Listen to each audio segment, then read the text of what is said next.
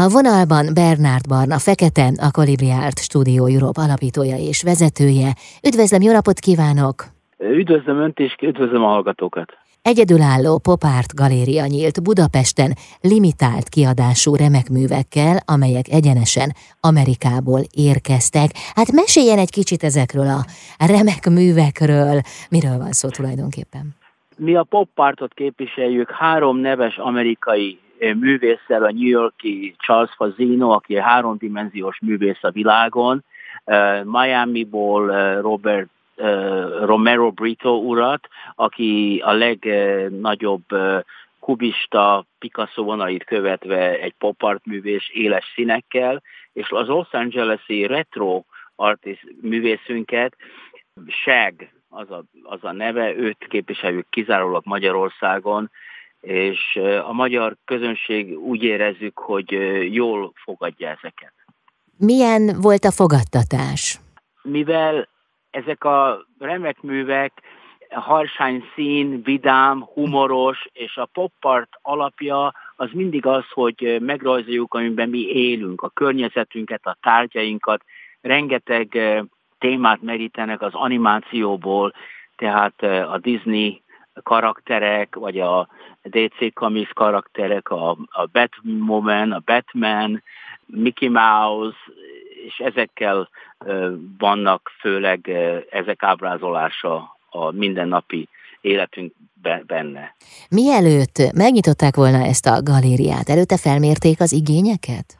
Véletlenül indult, ez egy kis galéria. Próbáltam úgy megtervezni a galériát, mint ahogy lenne Londonba vagy Los Angelesbe, sok kép van egymás mellett a, a falokon, nagyon jó a világítás, és nem igazán mértük fel, csak barátaim, ismerőseim mondták, hogy ez nagyon jó, eljöttek hozzám látogatóba, és azt mondják, hozzá nyugodtan ilyen Magyarországot biztos szeretik. Ezek inkább lakásdekorációk, tehát nem az a szépművészeti, uh-huh. amit Magyarországon átlagban kapható. Aha. Mennyire ismertek ezek a művészek Magyarországon, vagy majd most ismertek lesznek? Lassan kezdik ismerni uh-huh. őket. Körülbelül 25 darabot talált gazdára tőlünk már a mi galériánkból majdnem három hónap alatt. Ezeket gyűjtik a világon rengeteg szeleb, ezeket veszi Tom Cruise, Jennifer Lopez, Madonna, ezek veszik, és rajzolják ugyanúgy, meg megelevenítik mint alanyként például Al Pacino-t, vagy Rod Stewart, vagy Mick Jagger-t lerajzolják ugyanezek a művészek az ő sajátos stílusukban. Ez a sajátos stílus, ez egyfajta hangulatot jelent? Tehát minden művész a maga egyedi látásmódját varázsolja nyilván a, a vászonra, de ez markánsan megkülönböztethető egymástól, ugye? Tehát a popárt stílusában, de mégiscsak nyilván különböző művészek által létrehozott alkotásokról van szó. Tehát ezeknek is van egyedi hangulata, egyedi kézjeggyel bíró művekről van szó. Természetesen mindegyik művésznek más a stílusa.